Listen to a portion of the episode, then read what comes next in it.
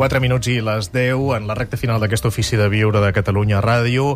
Àlex Rovira, parlant d'aquestes creences limitadores. Moltes vegades, aquestes creences limitadores que tenim, en el fons, i ja, sona molt malament dir-ho, no? Però segons l'Àlex, Sí. eh, són, ja ens van bé. Eh? Ja ens Ja van ens bé bé perquè, generen provoquen- beneficis negatius. Mhm. I què és un benefici negatiu? És una paradoxa, no? És un, és, és un oxímoron, no? És a dir, és com parlar de, de foc amic o d'intel·ligència militar.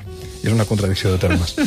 Aleshores, um, què és un benefici negatiu? Un benefici negatiu fa referència al fet de que, clar, una creença limitadora que ens porta normalment a no poder realitzar, a no poder fer, a inhibir un pensament, una emoció i, per tant, una acció que acostuma a ser frustrant i que, per tant, ens porta a la impotència. D'això en parlarem la setmana que ve, dedicarem més temps a parlar-ne.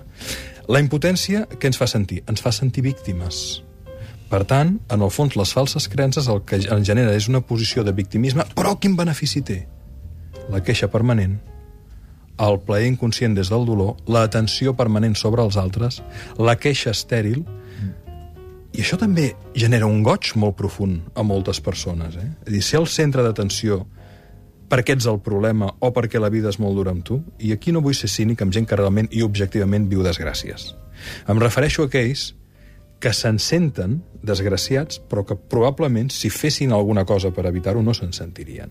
Però estan enganxats amb un principi de plaer, que és el benefici negatiu, de la discussió, de que no et vagi bé la feina, del fracàs. No? Jo, jo sé que això és políticament molt incorrecte, no? però en el fons què, què, necessitem els éssers humans? Ser estimats.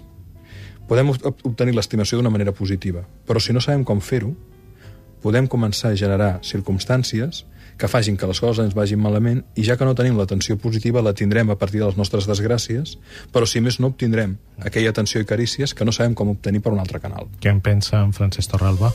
Que a mi em sembla que és molt adequat aquest pensament, per políticament incorrecte que sigui, no vol dir que sigui un pensament molt verdader, és a dir, hi ha una... A vegades hi ha una instal·lació en el victimisme que és molt autocomplaent i que ens exigeix de fer l'esforç per sortir-ne. I això pot passar tant a títol individual com a títol col·lectiu. Mirem els segadors, mirem la lletra dels segadors, que fa 300 anys que estem tancant cadenes i esperant que arribi un altre juny. Eh? Sí, sí. Vull dir, pensem-nos també els catalans com a identitat col·lectiva, quines falses creences col·lectives tenim per demanar sempre perdó o permís. sí, sí. Cipriana Toledo, i a vostè acaba, ens queda un minut, a nivell individual.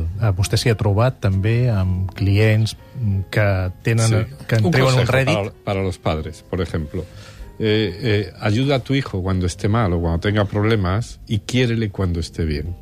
Porque si le quieres cuando está mal, estás creando todo lo que estamos hablando. O sea, va a conseguir amor con pena. És una gran idea, eh? Simple però poderosa. Eh? Ajuda'l quan estigui malament i estima'l quan estigui bé. Clar, vostè ha vist moltes conseqüències d'això, no? De quan som adults ja, Claro. que arrosseguem. aquesta- Evidentemente, cada vez que se cae el niño, la madre lo coge amorosamente y le, le consuela, pues está consiguiendo amor a través del dolor. És un reforç. Cipriana Toledo, moltes gràcies per haver tornat Un a l'Ofici de Viure. Uh, va millorant en el català, ens diuen que ara avui no s'ha atrevit, però gràcies als oients de l'Ofici de Viure i els missatges que rep, no? Tot Vamos, endavant. entiendo endavant. todo el hasta los de Girona ya los entiendo.